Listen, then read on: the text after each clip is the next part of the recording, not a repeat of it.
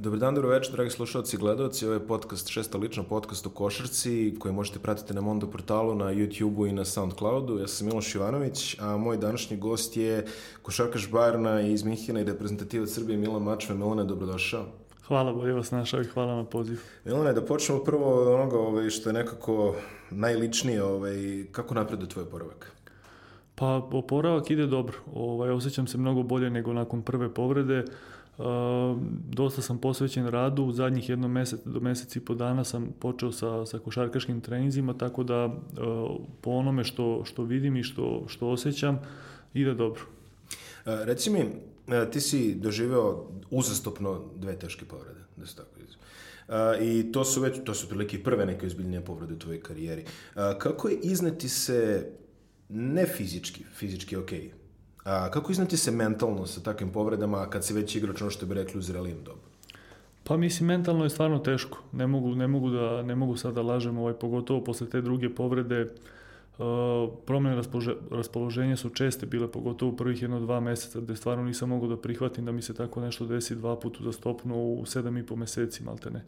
Tako da znao sam da ću morati ponovo kroz sve da prolazim, znao sam koja je, koliko je to u suštini monotono, pogotovo taj prvi deo oporavka, tako da, mislim, psihički je teško stvarno. Uh, jer kad si u jednom ritmu treninga ceo život, ovaj, da si naviknut na ekipu, da si okružen sa igračima, drugačija je, drugačija energija, to je nešto što voliš da radiš i čemu se raduješ, tako da u krajem slučaju dok nešto ne izgubiš i ne znaš koliko voliš, tako da me to guralo napred i sad kako se bliži, bliži ovaj, da kažem, ajde povratak u ekipu i na teren i rad sa ekipom, ono, hvata me ta neka pozitivna nervoza. Dobro je što je pozitivna, zato što često ima slučajeva, ono, kad čitaš o oporavcima tih igrača koji su imali takve povrede, recimo Derrick Rose, na primjer, ovaj, e, da dolazi do nekog straha od kontakta i tako nešto, ne osjećaš ništa slično? Pa nemam, stvarno nemam strah jer nemam sad stvar, nemam šta da izgubim. Već sam, već sam mnogo propustio i, i kad se sve bude sabralo bit ću van terena godinu i po dana. Ovaj, sad, sam, sad sam na nekoj raskrsnici gde ili ću da uspem ili ili od košarke više nema ništa. Verujem u sebe i, i nemam, nemam razlog za strah. Odlično, drago mi je da to čujem i naravno ovaj, želim da ti uporavak što bolje prođe. A, da se bacimo na neke vedrije teme, što bi se reklo ovog, a, to je u, u petak imamo Final Four Euroliga koji će se ovaj, odigrati u Vitoriji.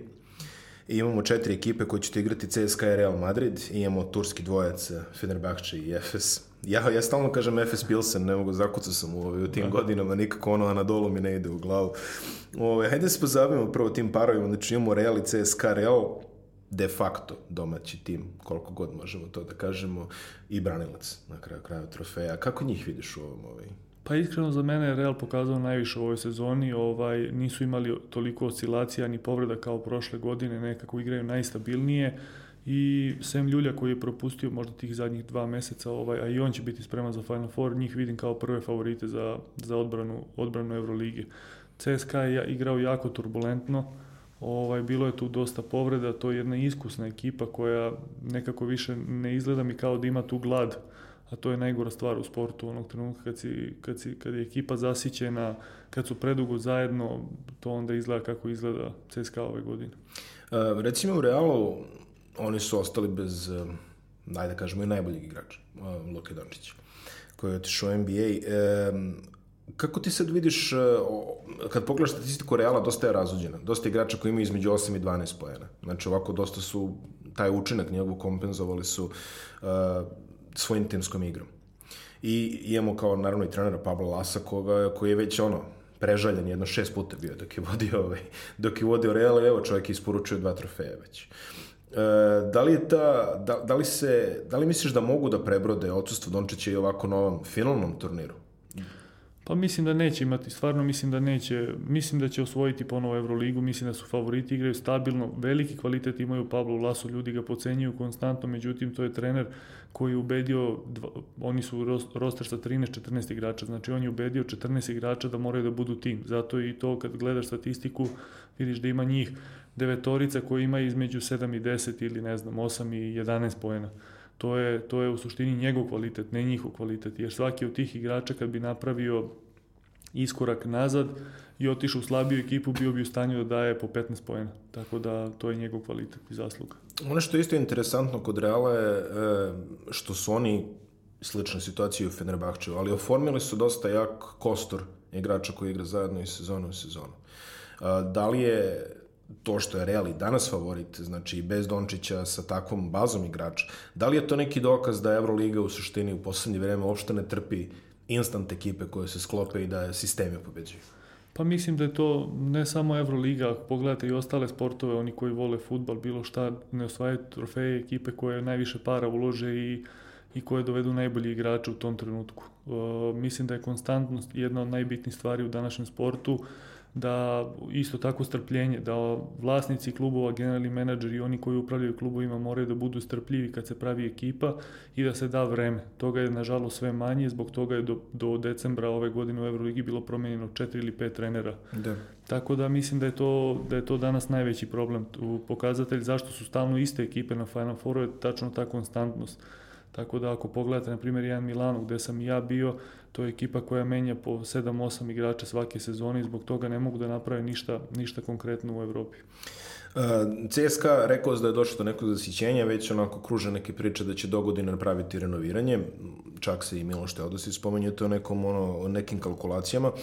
Ove sezone uh, Nando De Colo i dalje ima dobre brojke. Meni ne deluje na terenu kao da je to onaj isti igrač što je, što je dominirao pre, pre dve, tri godine. Na dobro, iskočili su neki stranci u prvi plan, iskočio je Higgins, eh, Clyburn takođe.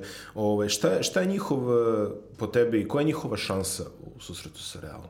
Pa njihova šansa može da bude samo neko iskustvo, da kažu. To su igrači koji su svake godine maltene na Final Fouru, koji imaju iskustvo igranja tako velikih utakmica i mislim da će u suštini motivacija kod takvih protivnika gde se ekipe apsolutno poznaju, ne, može da dođe do nekih velikih iznenađenja u 40 minuta. Tako da mislim da će motivacija igrača ili inspiracija jednog određenog u tom trenutku koji može da, da odigra jednu ekstra kvalitetnu utakmicu ovaj, doneti prevagu. Mislim, kao što si sam rekao, ovaj, Higgins i Clyburn igraju odlične sezone, pogotovo Higgins, on je napravio taj iskorak veliki, ovaj, postoje po meni lider CSKA, s obzirom da su Dekolo i ovaj, Čaču ono, u, u padu ove sezone, ali ne treba ih poceniti. Mislim, ipak je to CSKA ekipa koja je stalno na Final Fouru, imaju dobrog trenera i sigurno će biti spremni za, za tih tri dana takmičenja pošto je celu karijeru ovaj, proveo u evropskoj košarci, e, često puta kada, kada pričam sa ljudima koji nisu toliko upućeni u ta dešavanja, ja pokušam da im objasnim šta znači faktor tradicije u evropskoj košarci. Uh, koliko je to zapravo značajna činjenica da CSKA šta u poslednjih 15 godina je 13 puta išao na Final Four lupom, ali blizu sam toga. Da.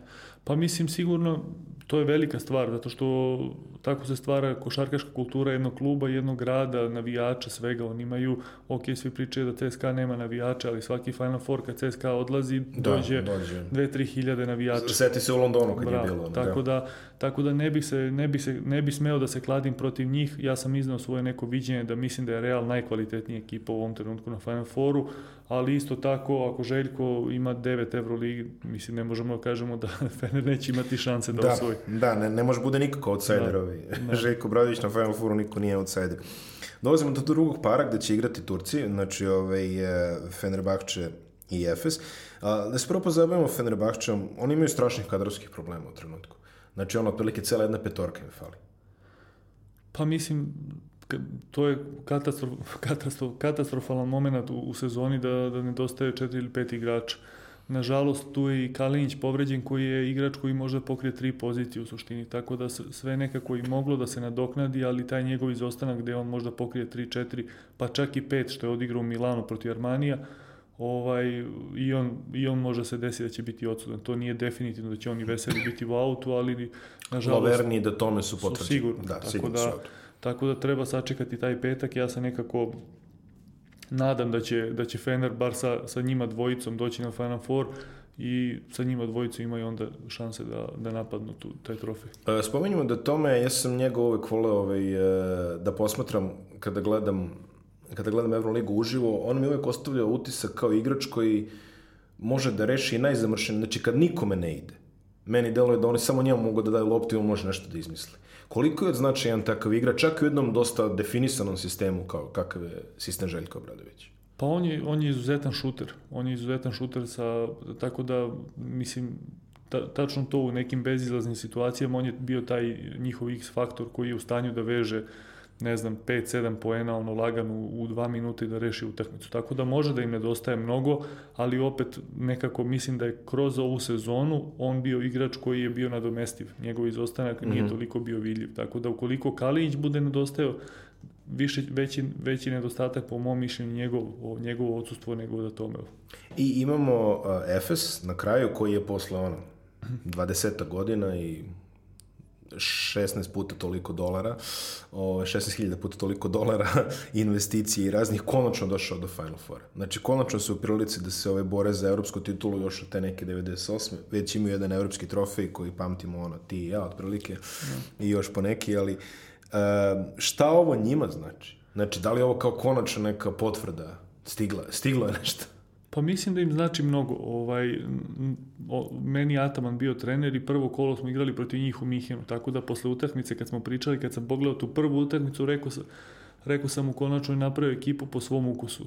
I on, on je u, ono u šali rekao da, da, vidjet ćemo, nadam se da je to to posam. Evo ga na Final Fouru. Tako da verovao sam, on je, on je trener koji ne koristi mnogo igrača u rotaciji, oni koji su u rotaciji imaju ogromno samopouzdanje jer u suštini igraju po 25 minuta, tako i ove godine to je 9 to je jedno devet igrača i, i ovaj, to je to, manje više. Ja često volim da kažem, ovaj, do, ti si igra u Galatasaraju, ovaj, e, da, da je Steph Curry došao u Galatasaray, ja mislim da Sinan Gular bi dalje igrao 39 minuta po da. utakmici. Da, pa eto, kad je osvojio Evrokup, to su bili Vlado Micov, Sinan Guler, uh, koji su igrali pod, ne znam, to što ti kažeš 38-39 minuta. Ono, da, da, bukvalno.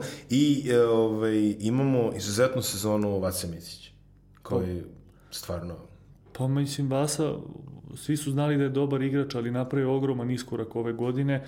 Sigurno je da se video i taj rad sa, sa Jasikevičiusom, da mu je to prijalo, a onda je došao kod Atamana gde je dobio apsolutnu slobodu i ovaj, to se To je, to je bilo vidljivo od početka sezone, gde je on ušao s velikim samopouzdanjem, postavio se odmah kao lider, tako da ako ništa ne moramo da brinemo za tu poziciju playmakera kad, Teo bude, kad se Teo bude sklonio. Um, Imao si priliku, kao što si rekao, da radiš sa Erginom Atamanom. Kod nas je on više poznati po nekim drugim stvarima o kojima sad nećemo, ali hajde reci nam kakav je on e, kao košarka. Milenko Topić je recimo isto dosta pozitivno meni pričao o njemu. Oni su imali priliku zajedno da rade, mislim, u Sijeni. Uh, s tobom je radio u Galatasaraju. Uh, kakav je on kao trener? Opiši ga malo.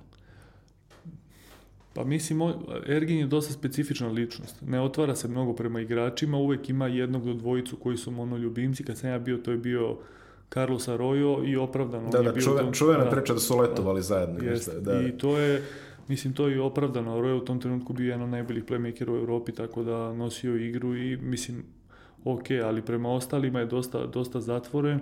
Uh, njegov, po meni, najveći kvalitet je to što zna da sastavi ekipu on uvek sastavi ekipu napadački opredeljenu, onu koju on zna da iskoristi, ne interesuje ga koliko će to da, da košta, da li može se uklopi u budžet, on će da je sastavi, da nađe način da, da plati te igrače i, i, ovaj, i onda da ih trenira. Tako da, kao što sam rekao, to je trener koji koristi mali, mali broj igrača u rotaciji, tako da ako si van rotacije, što se meni desilo druge godine kod njega kad je krenula sezona, ovaj, onda si u problemu, o, tako da, šta znam, koša, koš, nije sad, po meni nije, nije jedan od trenera koji, koji najviše znaju košarke s kojima sam radio, ali mm -hmm. za ekipu, sastavljanje ekipe je stvarno majstor. Aj, ono što bi se reklo, dosta dobro poznaje lokalne prilike, da. što je, verujem, u Turskoj iz, od, od izuzetne bitnosti.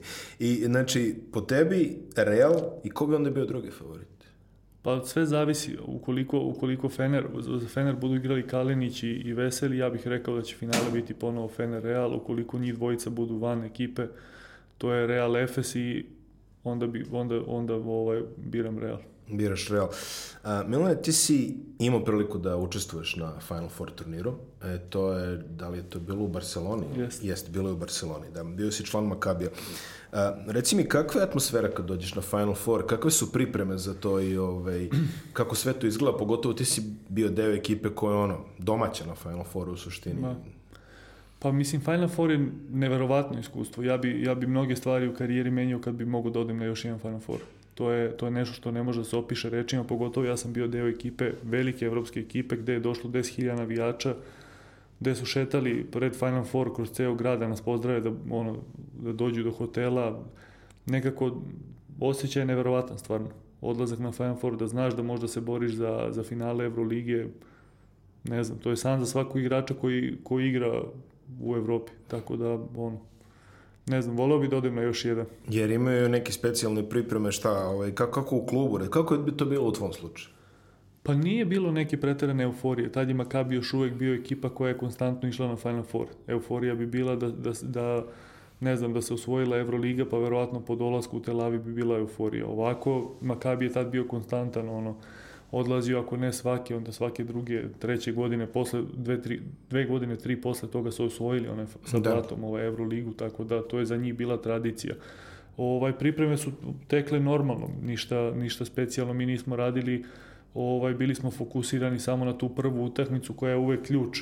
Da. Tu, tu ili pritisak te slomi ili ti pobediš ono sam sebi dobiješ utakmicu na kraju, tako smo i mi dobili Real koji je možda u tom trenutku iz, to je ovaj novi Real sa Ljuljom Fernandezom i to. Bio je Mirotić tada. Mirotić, da, tako da mi smo ih dobili ovaj, i onda smo igrali finale sa Panathinaikosom. Jer to ono finale što je počelo tipa u podne ili ono u jedan zbog, yes. zbog verskih ovaj, prilika. U četiri smo igrali, to da, je jedino finale u četiri.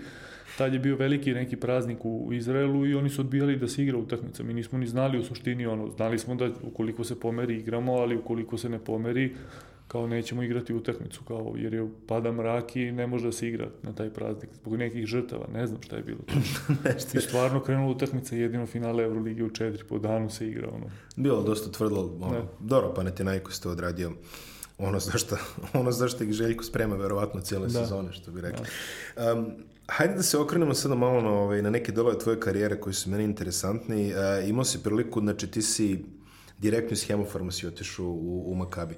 A, kakav je, ko te sve traži u tom momentu i zašto si izabrao baš Makabi? Pa uh, prvo u, u toku leta, u toku leta je uh, bilo razgovora sa Kaholom Boral. Mislim da je to, na primjer, eto prva, da kažem, ajde, prva greška koju sam ja napravio, što nisam otišao u Kahol Boral. A za današnje, za, za ove mlađe koji ne prate toliko dugo, to radi se o Baskoni. Da, da o Baskoni, da. da. Tako da, tad je trener bio Duško Ivanović, čak me i on zvao, Međutim, nekako ja sam u tom trenutku kao opredelio se da krenem sezonu, odnosno da odigram još jednu godinu za Hemofarm, pa da vidim onda sledeće uh. -huh. leto i u toku sezone klub je, u stvari pre toga je klub bio prodat štadi, Miša Babić je izašao iz kluba, klub je upao u neke financijske probleme, to je početak u suštini bio i raspada tog hemofarma, jedina neka uh, dobra stvar u decembru je bila to ta ponuda Makabija gde bi klub uzeo dobro obeštećenje i napravio neku poslovnu tehničku saradnju koju su oni napravili u narednih dve godine da prime još neki novac, ne znam. Tako da je obeštećenje i ja sam ovaj isto oprostio sva dugovanja do tada od početka sezone. Tako da i neka moja želja bila, ne želja, nego neki san je bio da igram za Makabi, jer moj prvi izlazak iz Srbije je bio odlazak na juniorski Final Four Euro lige.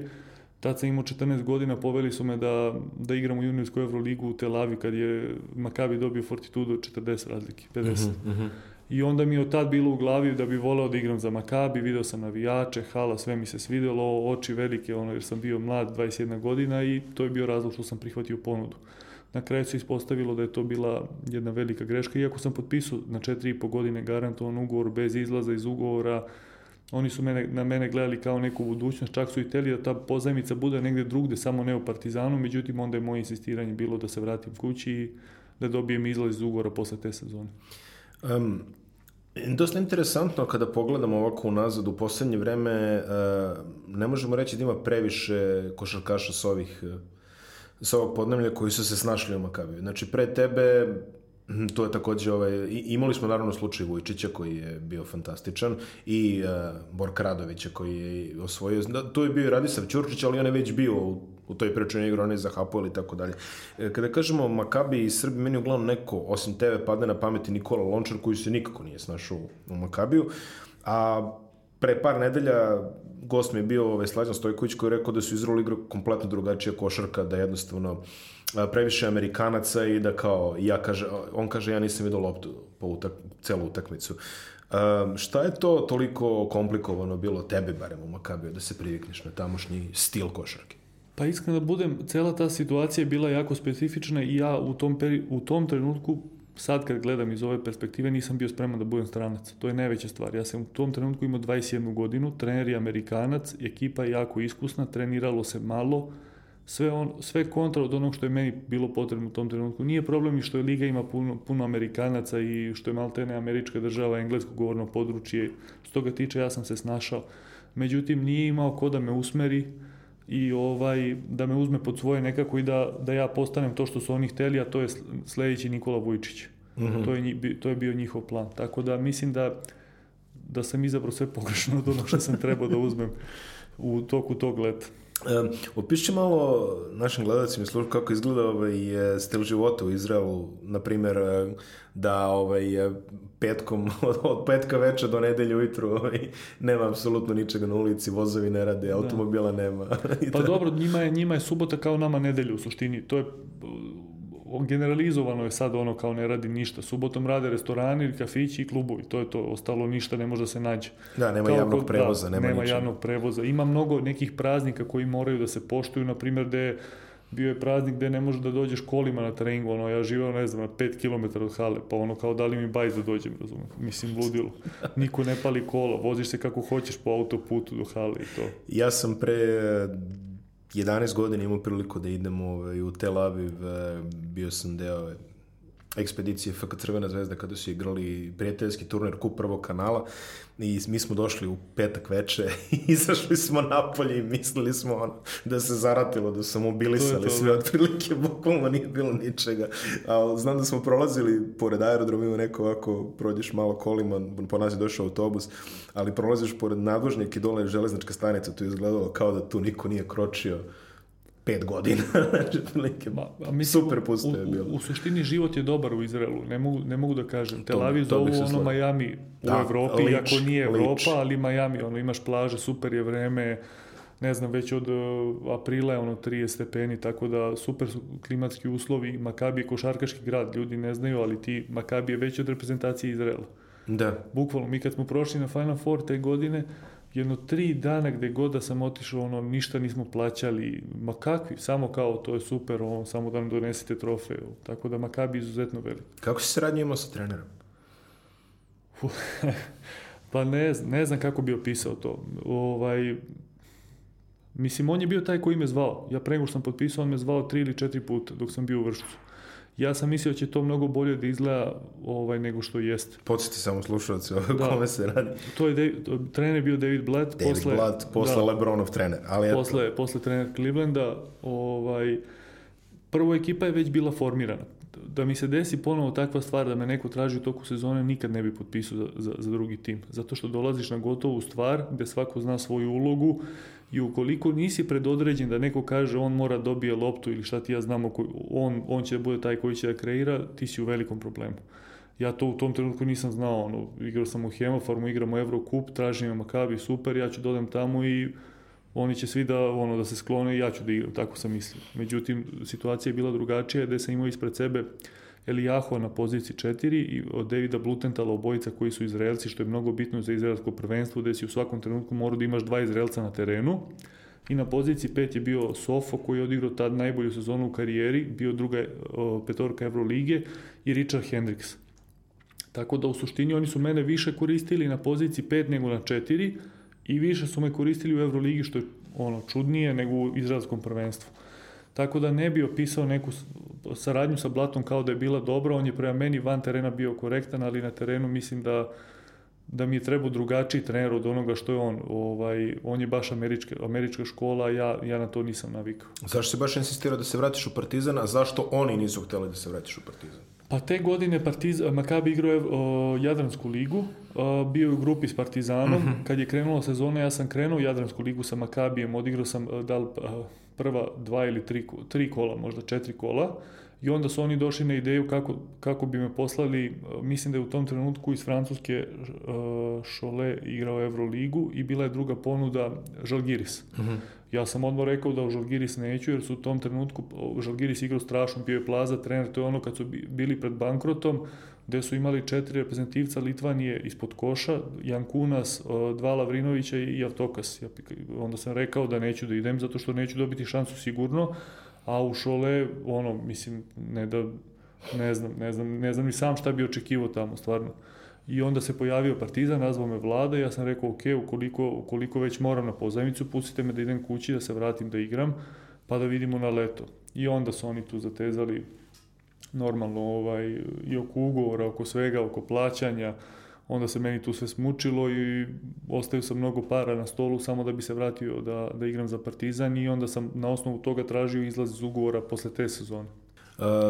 Relativno dobra sezona u Partizanu, da kažemo tako, barem za tebe individualno, imali ste ovaj, taj kiks u, u Euroligi uh, sa Armanijem i dobro, Jadranska je već bila predodređena, što bi se reklo, ali ok, tu si ono, proigrao si, što bi se reklo, i obezbedio sebi dalji, dalji, dalji to karijera onako kako bi ti možda hteo.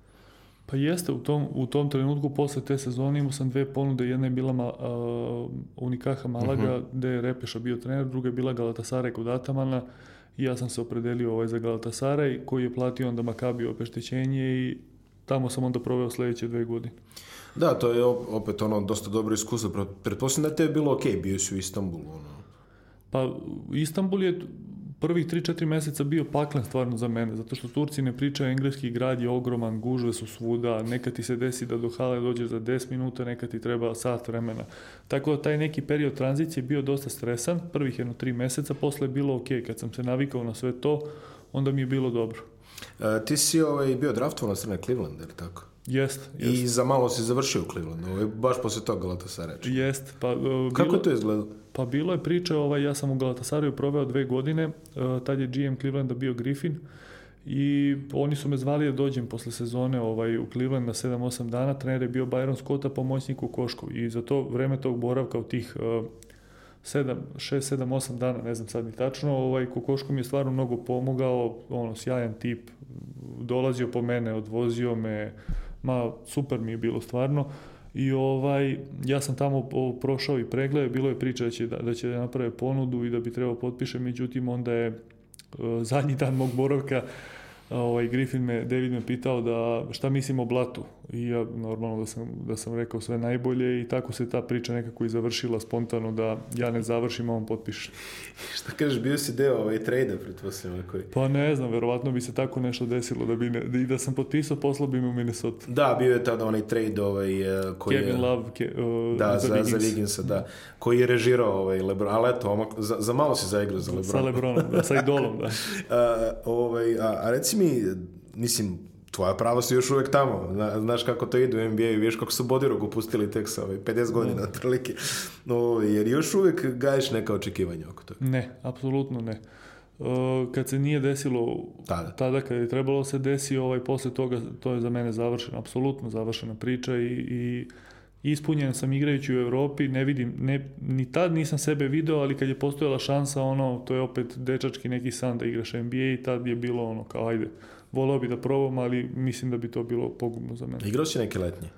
Nisam igrao. Nisi igrao? Ne, ne, nisi nisam. Bio sam samo to u Clevelandu tih 7 dana, ovaj, čak nisam ni znao da ću biti, odnosno znao sam da ću biti draftovan, samo je bilo pitanje za koje pozicije, jer čak su nešto spominjali se, ne znam, Lakersi, Cleveland, ovo ono, na kraju ispod Clevelanda me uzu u toj kasnoj drugoj rundi. Novice Veličković imam priliku da, da priča ovde koliko je o njemu je, na primjer, bilo žao što nije bilo draftovan, ali koliko znači kada si draftovan, pa onda ta ovaj, franšiza vode računa o tebi, o, ono, raspituju se za tvoje zdravlje, što bi se reklo tako redovno i sve to. Pa mislim, oni mene jesu stvarno ovaj, obilazili gde god da sam igrao, obilazili su me Međutim, posle toga, apsolutno nikakav kontakt nema sa Clevelandom, da, to je od, 20, znači od 26. godine, bukvalno da sam stash pick onaj da, koji, da, da, da, koji da. oni samo drže i koji nema apsolutno nikakvu vrednost, tako da ne bih, ne bih se kladio, da ne bih rekao da oni baš nešto mnogo vode računa. Pa, dobro, od te tačke, da, barem, ali dok da. si bio interesantan, da, bio pa, si mislim, interesantan, da, da, da, naravno. Uh, imaš posle ovaj, epizodu, još jednu epizodu u Partizanu, ovaj, gde si imao priliku da igraš onaj sada već mitski playoff protiv ove Crvene zvezde. Koliko je to, ovaj, kakva je bila atmosfera tada nama koji smo bili sa strane, to delovalo ono više od svega?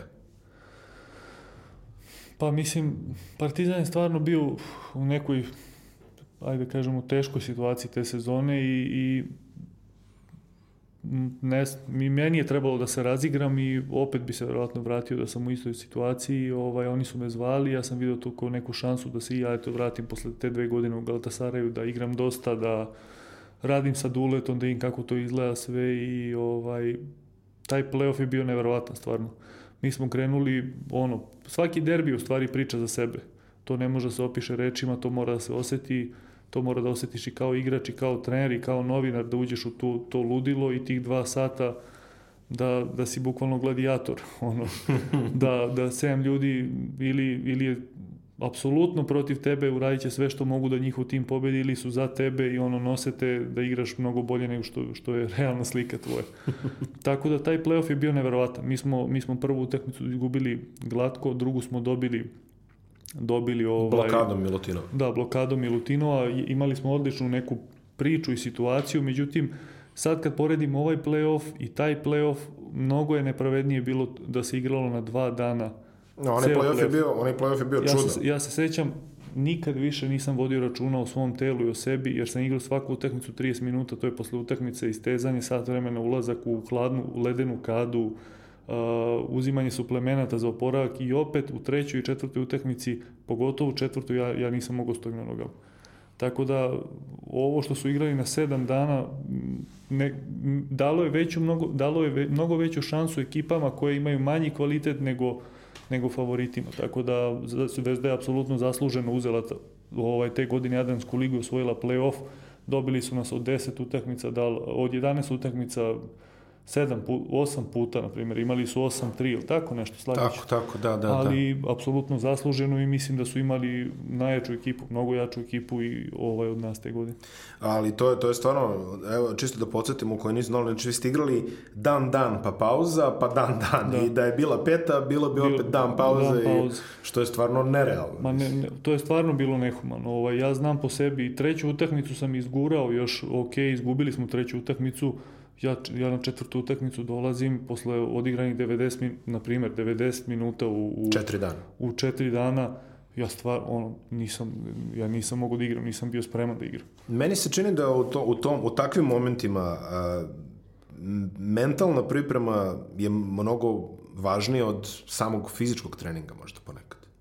Pa jeste mentalna priprema, ali ti fizički, ja sam te, ok, smatram da sam taj playoff igrao odlično, ali mentalno koliko god da si jak, ti ako, ako krene utakmice, ja osetim kad sam, po, evo sad mi ide slika kroz glavu, ono povučem kontru, ja padam, bukvalno noge ne mogu da mi iznesu, u trećoj četvrtini.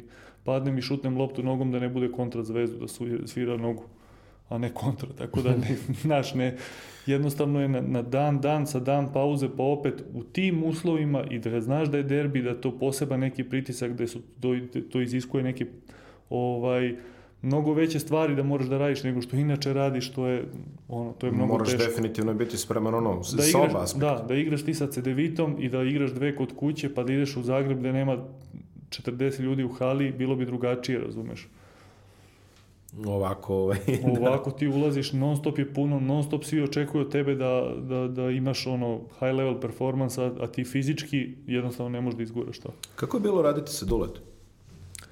Super. Ja sam od Uleta stvarno mnogo naučio, iako sam, da kažemo, za neke, neke njegove standarde došao kao zreo ima igrač. Si, ima si surovo upoznavanje. Ovaj. Da, da, neverovatno. Ja tam, tamo smo se dogovorili, ja potpišem ugovor, oni odu za Ljubljanu i tad je Olimpija dobila, dobila nas, ono, nas 20 razlike, ja nisam ni putovao s njima, tu je onaj pao, pao koš onaj iza glave preko table, ono, ludilo stvarno. Da, da. I ovaj, stiže mi poruka sutra treningu šest I ja pitam, jel popodne šest, oni kao ne ujutru. I to je bilo prvo upoznavanje, prvi dodir sa, sa Duletom, ali imali smo super odnos, ovaj, stvarno sam mnogo naučio od njega i neke njegove fraze i dan danas koristim, za koje stvarno mislim da su apsolutno tačne u životu, ovaj, ne samo što tiče košarke, nego što tiče ovaj, opšte. Da, mnogi to ističu da je generalno on više od trenera, u suštini vama igračima pogotovo da je ovaj, koliki je to značaj ovaj njegov. Ba, pored toga što je sjajan trener, on je ovaj, posvećen je košarci maksimalno, o, ide u srž svega, ide do, da objasni svaki detalj, tako i sa te druge strane. Ovaj, za mlade igrače mislim da u ovom trenutku, ne samo u ovom, nego i pre toga, boljeg trenera za mladog igrača od 18, 19, 20, 21 godinu ne možda imaš. Da, ti si počeo da pričaš ti si došao već kao formiran. Ja sam već formiran, ono, u tom trenutku je 26 godina sam imao, tako da nije, nije naš odnos bio da kao što je on imao sa Vanjom, ali bez obzira na sve, ovaj, imali smo super odnos. E, posle odlaziš u Italiju. E, sad, imali smo interesantnu ovaj raspravu pre nego što smo ušli u studiju o tome ovaj, kakva je politika kuće tamo, što bi se reklo da se ovaj, njima više isplati da finansiraju košarkašku ekipu nego da plaćaju legitimnu reklamu. Ali opet Milan je, mnogi to ovaj, zaborave, velika šampionska ekipa. Dobro, ne u ovom, ne u ovom veku, međutim imaju veliku šampionsku tradiciju, imaju dosta osvojenih evropskih ovaj, kupova šampiona i tako dalje. Kako izgleda igrati košarku u Milanu? Da, mislim, meni deluje kao da ste izuzetno ovaj, nebitni faktor tamo u nekom uh, javnom mnjenju. Pa generalno Armani, odnosno Milano je najtrofejniji, Olimpija Milano je najtrofejniji italijanski klub, košarkaški. Da. To je klub sa velikom istorijom, klub koji je osvajao ne samo italijanska prvenstva, nego i Evrolige, Evrokupove, kupove koraća i tako dalje. Tako da, a Milano sam po sebi je grad pobednika. Oni prate samo sport i klubove koji pobeđuju. To je nešto što je specifično. Tako da, na primjer, moje prve godine ovaj, osvojili smo prvenstvo, osvojili smo kup, uh, Evrokup smo išli do finala, ispali iz Evrolige, pa tad iz Evrolige mhm, odlazilo u mhm. Evrokup, ovaj, pa je to još neka, nekako bila pozitivna atmosfera i mi smo bili najgledanija ekipa u Evroligi te godine, sa 10.000 ljudi u proseku. I onda sledeće godine, na primjer, što je bilo neverovatno, krenuli smo mnogo loše Evroligu, odnosno krenuli smo dobro, pa smo nastavili katastrofa i završili zadnje te godine. Uh, ti si imao publiku koja je zviždala trojici, četvorici naših igrača, što je neverovatno. Oni poznaju košarku, ali ne vole ako se neko ne trudi, ako se neko zalaže, ne zalaže, ovaj, što je mnogo teško bilo za igranje. Tako da, pored Partizana, nekako da kažem, naj, najkonfornije, najbolje sam se osjećao tamo. Mnogo mi je te, ovaj, teško pao taj, taj razlaz, ovaj, razlaz sa Milanom. Iako sam imao, na primjer, razgovor sa, sa predsednikom tadašnjim i sadašnjim, ali koji verovatno odlazi iz kluba Livijom Prolijem, gde mi je obećao da ću da ostanem i gde smo pričali u toku play-offa, pre play-offa, na kraju ništa od toga se nije desilo jer su promenili i trenera i deset igrača, tako da ja sam bio jedan od tih deset koji je, koji je otišao iz Milana. Koliko je ovaj, uh, koliko je nezahvalno zapravo igrati za tu ekipu kao što je Milan koji ti rekao na početku oni promene po 7-8 igrača svake sezone. I ti sad igraš i da li si pod nekim pritiskom non stop jer znaš da će menjati. Znači Pa sigurno da imaš pritisak, mislim, jer u svakom trenutku ti možda budeš jedan od tih koji će da se promeni ko što se nama desilo. Ovaj, oni svake godine imaju velika očekivanja, svake godine to je novo ulaganje, ulaganje u marketing, u, u uh, trening centar, u mnogo nekih drugih stvari, ali nekako čini mi se da, da, da je klub malo pogrešno postavljen da obraćaju pažnju na sve, da obraćaju odnosno mnogo više pažnje na sve, sem na teren. Tako da u stvari teren treba bude glavna stvar, a sve ostalo da budu prateće stvari. I e, reci mi samo za kraju priča o Milanu, e, ja sam odrastao, a i ti si ono, malo si mlađi od mene, ali pamtiš italijansku ligu kad je bila ona velika italijanska liga. E, sada ta liga nije po kvalitetu možda ono u prvih, ne znam, tri, ali ovaj, ostaje ostaje dosta šarmantno, pogotovo kada uđu u play-off, pa se razvuku oni italijanski play-offovi gde svaka serija ode mm. do sedam utakmica, pa dođu ti domaći ona tereni tipa taj Sasari i ovaj, Reggio Emilia i mislim ne znam koje što može da se ovaj... Kakve su tvoji utisci iz igranja ovaj, Pala Canestra? Pa mislim da je Liga dosta talentovana. Fizički možda ti igrači ne mogu da odu na evroligaški nivo, međutim teška je za igru zato što ima igrača koji su jako talentovani i oni tako i biraju strance i, i te manje ekipe dovode i sale su pune svuda da se igra. Ovaj, oni imaju to neko navijanje, to je nešto između, da kažemo, nas i Nemaca, ono, nemaju mhm. taj izrazitih, da kažem, huliganizam, ono, da, da se pale element, da, da, da, da. ali imaju navijače, ono, i ovaj, lepo je za igru lepo je za igru, ima veliki broj ekipa, to je to je jedino što, što mi se nije sviđalo tamo i onda se oduži, ovaj, oduži se regularni deo, a u suštini kvaliteta nema za, za, za toliki broj. I serije play-offa na sedam ove da, utakmice. Da, da. da. Što... Igra se prva na tri pobjede, posle sve uh, da, na četiri. Polufinale i finale. Da, da, da, da, da, da. A ovako život u Milano, kakav je bio ovaj, generalno interesantan grad ovako za život? Pa jeste, ja sam bio tamo sa porodicom, tako da ovaj, nama je bilo super, zato što supruga priča italijanski, radila je tamo i živjela pre toga i ja sam se navikao jako brzo, nekako najjednostavniji opis Milana bi bio meni bar kao da je Beograd u Italiji, u suštini. ono nudi sve na dobroj poziciji, e, nije prevelik grad, e, opet nam je bio blizu kuće, direktan da. let, tako da i, i ako smo odlazili, ako nam je neko dolazio, to je bilo mnogo jednostavno za organizaciju. Tako da, eto, sve se nekako poklopilo da je bilo dobro. Kako si se odlučio za Bayern posle? Pa, uh, iskreno budem, pored, dosta ekipa, dosta ekipa je zvalo to leto, nekako ja sam, ja sam čekao da se Milano javi, čak je i tadašnji GM Portalupi meni slao poruke, kondicioni trener mi slao program za to leto šta mora radi kao da se ne bi zapustio jer je tamo glavna stvar da, da ne dižeš ovaj body fat, ovaj mhm, masnoću mm -hmm. i mhm. kilažu. Tako da mi je poslao ceo program, oni su svi bili ubeđeni da ostaje, međutim to se, to se nije desilo ja sam verovao u to. A onda odmah na početku jula Maxi Kleber, jedan od nosioca igre iz Bajerna i ovaj, on je potpisao za Dallas i odmah to veče automatski me Sale pozvao da pita da li bi, da li bi došao i nekako imali smo super odnos u reprezentaciji, ovaj, na kraju se to ispostavilo kao pravi potez jer je Bayern jedan od najvećih, da kažem, svetskih brendova sportskih, ne samo košarkaški, nego i futbalski klub s ogromnom bazom navijača, tako da, eto, to je, to je ukratko. Ovaj. Da, da, da.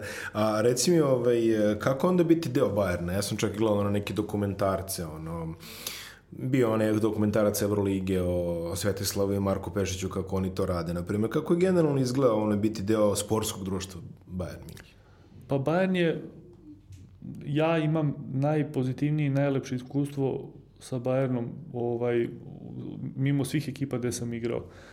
Kao igrač koji se našao u jednoj jako teškoj situaciji, Bayern se pokazao kao porodica, ne kao klub.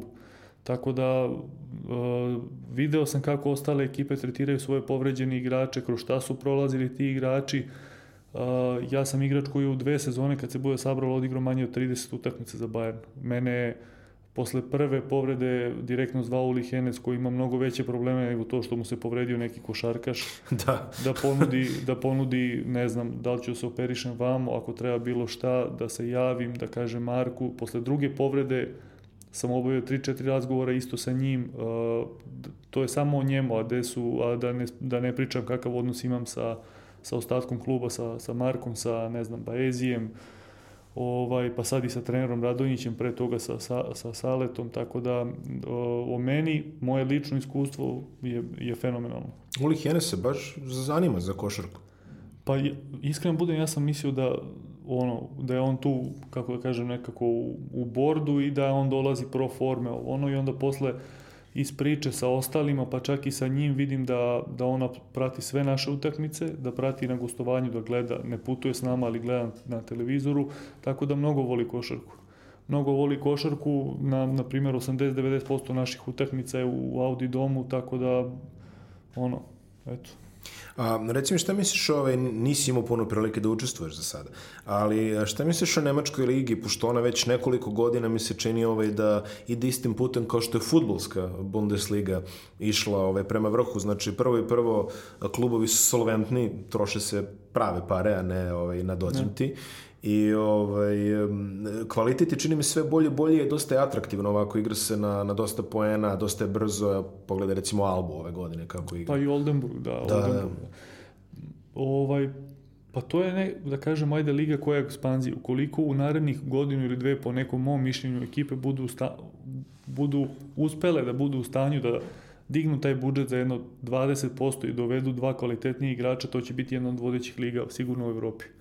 U ovom trenutku ta liga je možda, ne znam, treća, četvrta, peta, ali ukoliko oni budu napravili kao liga taj iskorak, ovaj Bundesliga ima sve preduslove da bude onako broj 1 destinacija za vodeće evropske igrače, jer svi klubovi su dobro organizovani, stabilni, uh, hale su pune svuda, da kažemo, ajde, kulturno je za igranje, ti znaš gde šta -huh. da očekuješ, ne, ne, ne postoji faktor iznenađenja da ćeš da dođeš da se desi ko što se dešava u Jadranskoj ligi, sa navijačima, da, da ko što se dešava u Grčkoj, ko što se dešava u Turskoj, pa čak i u Italiji, da, da se ubacuju predmeti na teren, ne znam, konfete. Stvarno, pa gde da je u Italiji to bilo?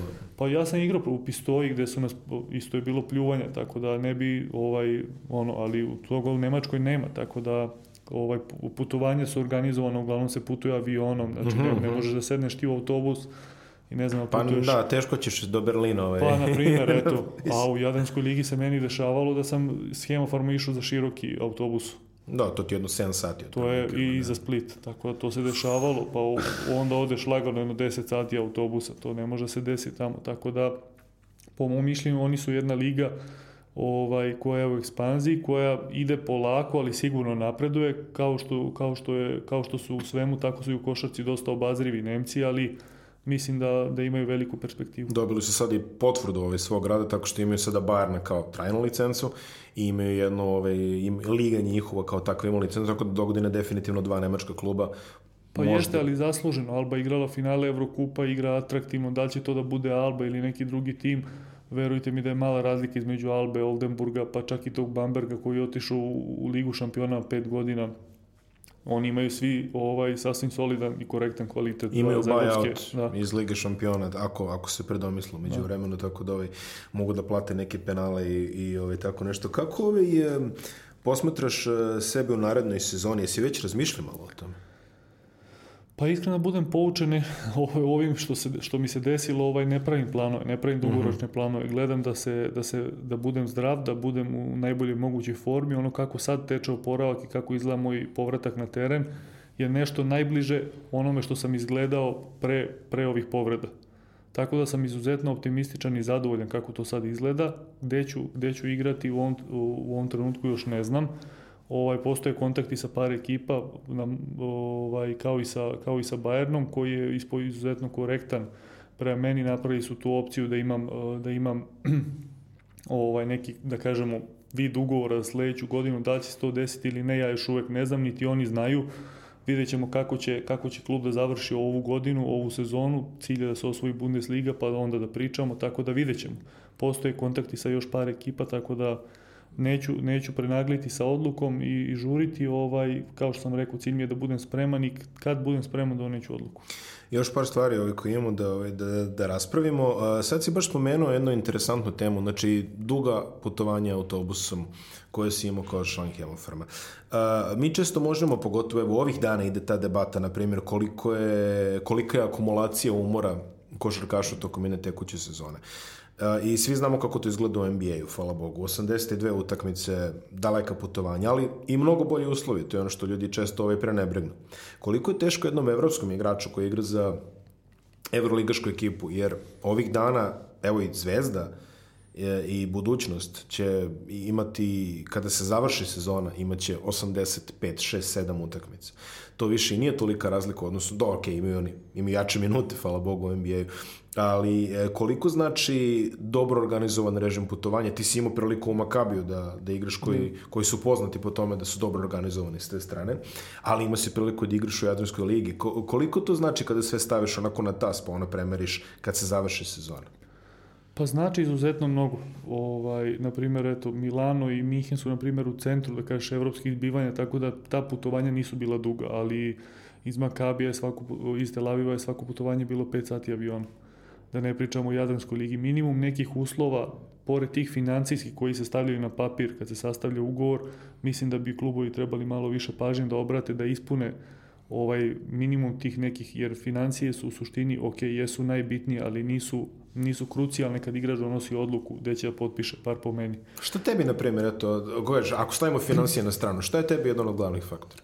Pa, na primjer, sportska ambicija, to je ono što prvo gleda, projekat mm -hmm. mislim projekat, koje su, koje su želje kluba. Hvala Bogu imao sam sreću da, da igram za velike klubove. To je ono što sam stvarno blagosloven da sam igrao za klubove koji su uvek borili za trofeje. To je nešto što je najlepše kad si košarkaš i kad ne, neminovno, kad si profesionalni sportista, da kad krećeš sezonu, cilj na kraju sezone je da se digne taj trofej ili da se digne tri trofeje. Hoćeš da to pobediš? Ono, da, to je, ono, to je ono što te vuče. Zamisli da potpišeš za ekipu koja je, ne znam, 10. 12. i kao ajde, cilj nam je da probamo da uđemo u playoff. I ti šta god da uradiš, bio deveti ili 12. ili osmi, ovaj klub će biti zadovoljan. Tako da, mislim da, je, mislim da je to najbitnija stvar kad si profesionalni sportista, ta neka ambicija, to je ono što te vuče da igraš, uspesi, uspesi, uspesi donose novi adrenalin.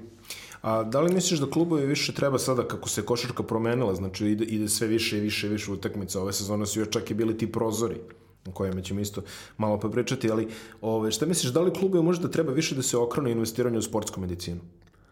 Pa sigurno, pa mislim, ova sad tema što smo se dotakli u zadnje dva pitanja tvoja je dosta vezana i sa, sa ELP-om, novom, mm -hmm. novom asocijacijom igrača u Europi, što je nešto što postoji u NBA već Da, on ima onaj sindikat, godina. ono, da. Jest. Tako da ja sam bio jedan od prvi koji je uplatio to, to ovaj članstvo u ELP. Mislim da je to izuzetno bitno za igrače, da se probudi svest da se probudi svest ovaj, da zaživi ta unija igrača koja je da sad bazirana na evroligaškom nivou, koja bi trebala da dosegne u narednom periodu ovaj mnogo veći obim. Uh -huh. uh, oni uh, zalažu se, ne znam, za baš to, za kvalitetnija putovanja, za second opinion kad su u pitanju pregledi, za uh, trening kampove, dužinu trening kampova, za dužinu treninga, broj treninga pod bandažom, bez bandaže, tako dalje, tako dalje. Tako da mislim da, da ta svest igrača mora se probudi pod hitno, jer u ovom trenutku, pošto se u ovoj i možda sledećoj godini to članstvo će se plaćati, taj iznos koji se plaća je, ne, neću da kažem mali, ali nezna, beznačajan kad su u pitanju igrači i primanja koje igrači u ovom trenutku imaju, a može mnogo da ostavi za, budu, za budućnost i one koji dolaze. Ovaj, nažalost, to nije formirano ranije da bi sad imali bolje uslove, tako da mislim da treba se po, po, probudi ta svest pod hitno, jer mnogi od nas će ostati u košarci, da li ko treneri, da li ko agenti, generalni menadžeri, direktori, predsednici klubova, ta unija igrača i unija trenera će omogućiti svima da se posao mnogo lakše radi za 5-10 godina, tako da eto, mislim da je povezana tema. I volao bi sad malo da popričamo o tvom reprezentativnom stažu koji je stvarno dug, ono, ti si u mašine već 13, 12, 13, 14 godina, koliko već. I ono po čemu te ljudi, ovaj, po čemu su ljudi prvo zapamtili, da se tako izrazim, ajde ovako kao malo šira javnost, bilo je svetsko prvenstvo za mlade koje se odigralo u Novom Sadu, jer tako, da. 2007. kada ste pobedili Sjedinjene američke države u finalu. Čega se ti sećaš kada se, kada se prisjetiš eto, ovaj, tog, tog prvenstva? Pa mislim, to je nekako, ta generacija je bila spojena od igrača 8-8-8-9, ovaj, koji do tad nisu imali apsolutno nikakav uspeh u tim kadetskim takmi, ovaj, reprezentativnim takmičenjima, tako da sećam se da je bilo, da je to jedan veliki ispit bio za tu generaciju, te dve generacije, ovaj, da li, s obzirom da smo mi košarkaška nacija, tako da ukoliko ti već ne pokažeš neki talenat i rezultat, ne daš u 16, 17, 18. godini, ti si otpisan. Ti si otpisan i pregažen. To je, to je, to je nažalost tako. Tako da mnogo talenata i igrača je baš zbog toga i ugašeno u našoj zemlji, zato što ljudi nemaju strpljenje, jer dolaze novi, novi, novi i ako se ne nametneš, ovaj, ti si bivši. Tako da bilo je dosta stresno, bar za mene, i ovaj, naš put, mi smo prvu utakmicu gubili od Amerike u grupi, posle toga smo igrali sve bolje i bolje i ovaj, na, kraju smo, na kraju smo osvojili to svetsko prvenstvo. Mislim da nismo bili kvalitetnija ekipa, definitivno, pogotovo sad s ove tačke gledešte kad se pogleda ko je igrao. DeAndre Jordan. DeAndre Jordan, Steph, Steph Curry, Curry Johnny da. Flynn, Matt Bolden, uh, sve igra, mislim, uh, Dion Thompson, Žalgirisa, ovaj, to su sve NBA igrači, Patrick Beverly je bio. Da to su sve veliki NBA igrači i igrači koji su imali karijere u Evropi, tako da sigurno da mi u tom trenutku čak nismo ni tad bili bolji, međutim uz pomoć publike, uz naše neko iskustvo koje je u tom trenutku veće, jer ti kad si u Evropi odigraš u, odma u, u kadetskom i juniorskom uzrastu 50, 60, 70 utakmica, već si deo nekog prvog tima, a oni prva godina koleđa. Tako da to iskustvo nam je pomoglo i mislim da smo zato osvojili, a da je to ujedino trasiralo neki put za, za eto koliko nas možda petoricu koji smo bili posle u senjorskoj reprezentaciji, Bobi, Raduljica, Kešelj, ja i uh, Stefan Marković. Stefan Marković, da. Tako da, eto, Mislim. To, je, e, to je dosta dobra prolaznost za jednu juniorsku generaciju da petorica posle budu senjorski reprezentativci u nekom kapacitetu. Pa, pa to je velika prolaznost. To je velika prolaznost. To je baš velika prolaznost. A, a, ti kao... I, I Muta kao trener. I Muta kao trener. Da ga ne zaboravim. Dobro, da. Muta ono. Bez Mute ne Već tad da je bio legendaran od prilike. Ali ovaj, ono, što, ono što mene dosta zanima, a kada pogledaš unazad juniorske reprezentacije. Imali smo dosta zlatnih generacija u prethodnih 20 godina. I ponekad pogledaš neke ove zlatne generacije i vidiš da od 12 igrača tipa jedan bude seniorski reprezentativac. A, mnogo njih ni ne igra seniorsku košarku posle, mislim na nekom visokom nivou. Uh, imamo recimo onu generaciju koja je to, mislim da je to 8, da li je to isto 8, 7, 8, 9, Filip pa Čović, Branko pa ne, Lazi. to je moj, 8, 9. To je tvoja generacija. Iz moje generacije... Eto, okay. ta, recimo, to zlato što ste vi osvojili, sećam se, ima dosta igrača koji ne igraju na visokom nivou. Ovaj, ili ne igraju uopšte. Ili ne igraju uopšte. A, šta, je, šta je po tebi, eto ti sad rekao, viš kako Amerikani, znači oni završe koleđ i ovaj, odu u NBA, a kod nas dosta, dosta puta se mladi igrači izgube u nekoj tranziciji. Koliko je teško napraviti iskorak, pogotovo ako si trofejni junior, znači postoje neko određeno očekivanje na tebi. Koliko je teško napraviti iskorak iz juniorske košarke u seniorsku košarku na profesionalnom nivou? Pa iskorak je, iskorak je, mislim, taj korak je jako velik, to je baš iskorak i mnogo je težak, zato što se ovaj, sreće sa ljudima od 30 godina, do tad si, pogotovo u mom slučaju, bio dominantan, ne znam, očekivalo se od tebe konstantan pritisak da moraš da, da osvajaš, da napreduješ, da si ti taj, da ovo, da ono, tako da mnogo je teško. Ne bih rekao da je sistem rada pogrešan, zato što mnogo dece i postanu profesionalni sportisti, profesionalni košarkaši, međutim, ako pogledamo način rada u Americi gde oni daju igraču 3 ili 4 godine ili 2 godine na koleđu pored high schoola, da bi taj igrač postao igrač za NBA, kod nas to nije slučaj. Sa, ne znam, da, da pođe svako od sebe koliko je igrača u svojim mlađim kategorijama ili na basketu video talentovani koji su trenirali negde, koji su izgubili. Ne kažem da su svi predodređeni da postanu profesionalci, ali sigurno da neki od njih su mogli da igraju profesionalnu košarku, a nisu zato što je takav sistem rada, da ukoliko ti, kao što sam rekao, ne pokažeš u 16. 17. ili 18. najkasnije kod nas godini da si ti taj i da od tebe nešto može da bude.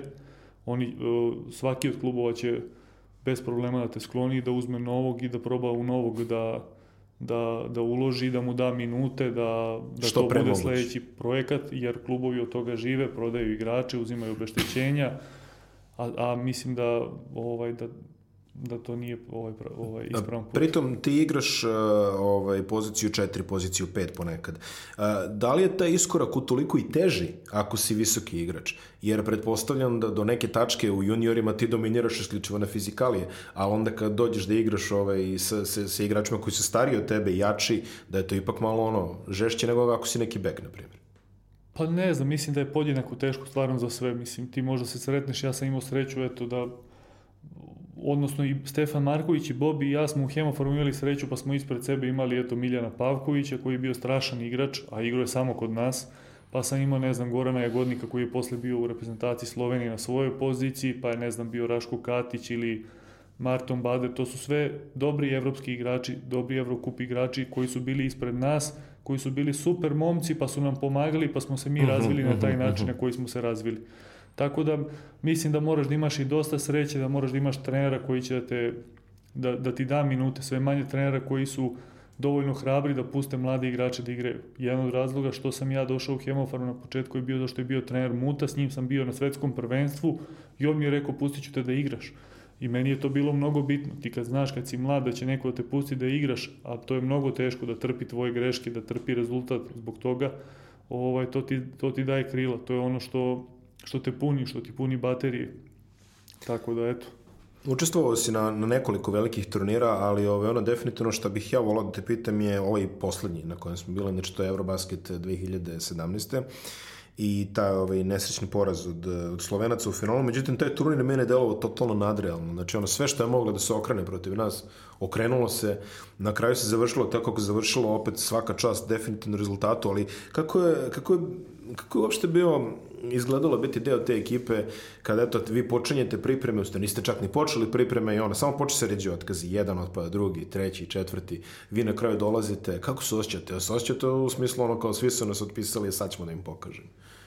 Pa ne bih rekao da su nas otpisali. Ne, ne, mislim, da, mi ljudi, nismo, da, naravno, ali... Možda, možda, da kažemo, ajde, pravi navijači nisu imali vere, ljudi koji prate košarku. S obzirom da, ne znam, otkaže 6-7 igrača koji su konstantno deo reprezentacije, onda ti je Mislim, stresnije je bilo treneru, Saletu i stručnom štabu kako da uklope ono što je ostalo, nego nama igračima. Mi smo imali veru u sebe, stvarno. Mislim, znam kroz šta smo sve prošli, koliko smo radili, koliko smo utakmica dobili u pripremnom periodu, znam svaki od tih igrača ima kvalitet da igra za reprezentaciju, on nije slučajno bio tu i nije slučajno bio pozvan na pripreme. Uh mhm. -huh. Tako da je na kraju se ispostavilo i mislim da je to bio veliki korak u mnogim karijerama, mislim ne samo nas iskusnih, iako Branko Lazić je bio ovaj, prva godina, na primjer, njegovu reprezentaciju, on ima 28-29 godina, mislim da mu je to mnogo značilo za karijeru. Vasa Micić je bio tamo, Gudurić je bio tamo, Bogdan je bio lider, Luča posle mnogo godina neigranja za reprezentaciju je bio pozvan, bio je prva trojka uh, Gag, uh, ko je bio Bobi, Kuzmić, tako da mislim Bobi da je mnogo značilo. Da, tako da mislim da je reprezentacija uvek služila igračima koji su deo reprezentacije neki, kao neki zamajac za sezonu gde ti ulaziš ono sa velikim samopouzdanjem, i pogotovo posle uspeha i onda samo nastaviš da gaziš ovaj, u klubskoj sezoni. Uh, Boban Marjanović u jednom intervju rekao da je recimo njemu konkretno bi bilo mnogo lakše da ste vi igrali ono prvo polufinale. Zato što kaže, vi ste završili polufinale i onda kao adrenalin dižeš, sutra jedan, jedan dan odmora. Kako si ti to doživeo? Pa iskreno budem, nis, e, nisam bio pod adrenalinom, zato što se meni to desilo već jednom u Poljskoj. 2009. da, da. mi smo se pojavili kao neka reprezentacija bukvalno klinaca od 20-21 godinu, gde da, smo da, mi da. igrali protiv Slovenije na produžetak, dobili polufinale, završili polufinale u pola 1 i nismo spavali do, do ne znam, 4-5, a sutradan je bilo finale u 8, na primjer. Da, da, da. Tako da, da, ja sam to već prošao i onda sam ovaj... Tebi ovo još bilo super, ovo da, ovaj, kao čitav tim iskustvom bio sam skroz ok, međutim, razumem Bobija ovaj, što je to rekao, sigurno da je bilo mnogo igrača ovaj, koji su bili u istoj situaciji u ekipi, međutim o tome nismo pričali, gledali smo da se fokusiramo, opet to na kraju nije bilo dovoljno i mislim da koliko god bio ostrašćen deo te ekipe, mislim da je Slovenija ovaj, zasluženo osvojila zlato, jer su pokazali tokom turnira najviše, najkonstantnije igrali i na kraju krajeva ovaj, i Dragić je zaslužio da osvoji zlato, jer svako leto, bez obzira igrajući kvalifikacije, evropsko, bilo koje da, drugo prvenstvo, dolazio... on je dolazio, bio prvi na priprema i bio njihov lider, tako da eto. Koliko to znači jednoj reprezentaciji kad ti dođe čovek ono koji odigra toliko koliko odigra i ono nacrta se tu prvi? Pa to je kult reprezentacije, to je kultura. Ne, mislim, to je, ne znam, to, je, to pokazuje liderstvo. Nije lider onaj koji dođe i kaže ja sam lider na TV-u i, i svi veruju to. Lider je onaj koji vodi primjerom. Mm -hmm. Koji ćuti vodi primjerom. To je Goran Dragić, to je Gasol, to je Tony Parker, o njima, o njima se ne priča. Ne mora se priča da su oni lideri, oni pokažu to na terenu. Tako da, eto, mislim, zbog njega mi je u krajem slučaju drago, jer nekako, od, eto, u seniorskoj reprezentaciji sam od 2009 igrao sam mnogo pruta protiv njega, znam kroz, kroz kakva takmičenja, šta je sve morao da igra sa Slovenijom, tako da mi je drago da, eto, ako sam morao da izgubim od neku, da to bude od njega. A kako ti izgleda ova reprezentacija sada? Nismo se još ni skupili, međutim, evo ovako na papiru čini se ono da ćemo biti izgledan kandidat za jednu od medalja na predstojećem mundu basketu. Pa, mi, mislim, mnogo je rano da se priča sad. Pitanje je ko će biti zdrav, ko će biti voljan da dođe da igra. Da. Ne treba niko da dođe da ovaj, što, što se kaže da čašćava svojim prisustvom, da, da bude tu samo da bi se reklo da ga niko ne bi dirao. Tako da mislim da je faktor volje izuzetno bitan, pogotovo za ovo leto koje je krucijalno da se napravi uspeh i da bude kvalifikacijno za olimpijadu ponovo. Tako da treba sačekati i videti ko će doći. Za sad je sve ok, mislim svi, svi igraju super sezone, što je odlično, svi su zdravi tako da vidjet ćemo. Pogotovo ovi NBA igrači imali su odlične ulogi, Bobi, drago mi je zbog Bobija sa tim tradeom iz Clippersa je dobio mnogo, možda ne u ovoj poslednjoj seriji protiv Toronta, Dobro, da. ali u prvoj protiv Bruklina pokazuje koliko može da bude efektivan u maloj minutaži, tako da drago mi je mnogo jer je veliki radnik, dobar momak. Ovo, Pozdrav Bjelica, za Bobija, da, gleda. Bo, Bo, Bjelica i, i Bogdan ovaj su igrali isto odlično za Sacramento, Jokić je all-star igrač, tako da eto, ne znam da ni slučajno ne zaboravim neko da se ne naljuti, ali... Neće, ver, verujem da neće. Verujem da neće. I za kraj ovaj, ono čuveno pitanje, e, koji su najteži igrači protiv kojih si igrao? Znači, ko ti je bio najteži za čuvanje i ko je tebe najbolje čuvao? Pa ne znam ko je mene najbolje, ne znam, glupo je pričati ko je mene najbolje čuvao, ne, ne, ne gledam na sebe ko na nekog vrsnog napadača. Ali, ko, na primjer... Gde ti je bilo teško da, da poentiraš? Uh, igrač protiv koga mi je bilo nemoguće da čuvam je Paul Gasol. Mm -hmm. To je, nje, mislim, on je toliko polivalentan, uh, da. toliko je velik, on ima 2.17, šutira trojke. Mnogo... mene delo je neverovatno fluidno kad se kreće, ko, ko balet da igra. E, ne, on, neverovatno. Na primjer, na low postu postoje, ne znam, dve, tri različite vrste odbrane. Ja sam protiv njega probao sve, da izađem ispred. On je toliko visok da oni prebace preko mene mm -hmm. i onda koš. Ne znam, e, na tri četvrtine tela, onda izađe na, ono, s polja, ti misliš, sad kao neće da šutne ovo, ono, on šutne da trojku, ma ne, ne ne Eto, on i, na primjer, Linas Kleiza u najboljim danima sa svetskog prvenstva u Turskoj, kada je sastavio meni Novici i Savanu zajedno jedno 35. Oni verovatno nisu pričali o tome, ali ja ću da kažem. ovaj, on je bio neverovatan, da. On je bio neverovatan. Durant, na primjer, sa poslednje olimpijade, ono, to je prosto nemoguće. Kako ti izgleda kad staneš ispred? Mislim, pazi, nemoguće ga je sačuvati svo dužno poštovanje velikovi što, da. što igra u NBA-u, ovaj, ja sad znači, zamisli našim igračima. Da, Amerikanci imaju jednu foru da, na primjer, osete igrača koje, kojem ide dobro i onda mm -hmm. igraju, na primjer, vezano napade za njega, bukvalno mm -hmm. dok ne promaši. I to se, nažalost, meni desilo na olimpijadi ovaj, pored one fore spavaš li mirno. Da, da, da. da Očigledno da, da, da. se ne spavao, ovaj, Malo se šalim, ali nevjerovatno, on je, na primjer, prva trojka je bila sa jedno 7 metara iz driblinga, ja kao kontest, ona ulazi lagano, druga sale već vidim, ono, prelaze pola, odmah mu dodaju loptu, on se diže, ulazi druga, treća i od normalno sale me vadi napolje, razumiješ to.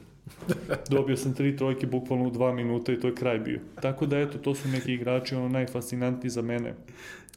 Ovaj, a teško je uvek protiv Filipe Reyesa. Uh, protiv Novickog mi je bilo, na primjer, ali tu sam bio stvarno motivisan i nekako to je igrač koji je, na primjer, mnogo loše odigrao lično protiv mene taj početak utakmice u Litvani, tih prvih jedno 10 minuta, ali imamo te nekarakteristične šuteve i, i on i ja s jedne noge, ovo ono, pa sam znao otprilike šta bi moglo da se desi. Da, da, da. da. Onda je posle, on je toliko kvalitetan da je posle samo na njemu da li će da ih da ili će da promaši, mislim. Ne možeš ti da to da utičeš, a meni se desilo, na primjer, da je sve kontra uradio od onog što je hteo, verovatno, protiv mene. Milane, hvala ti puno što si Ništa. gostao i ovaj, da mi ne gostuješ do sledećeg leta. Dobro, znači, dobro. to ti želim. Važi.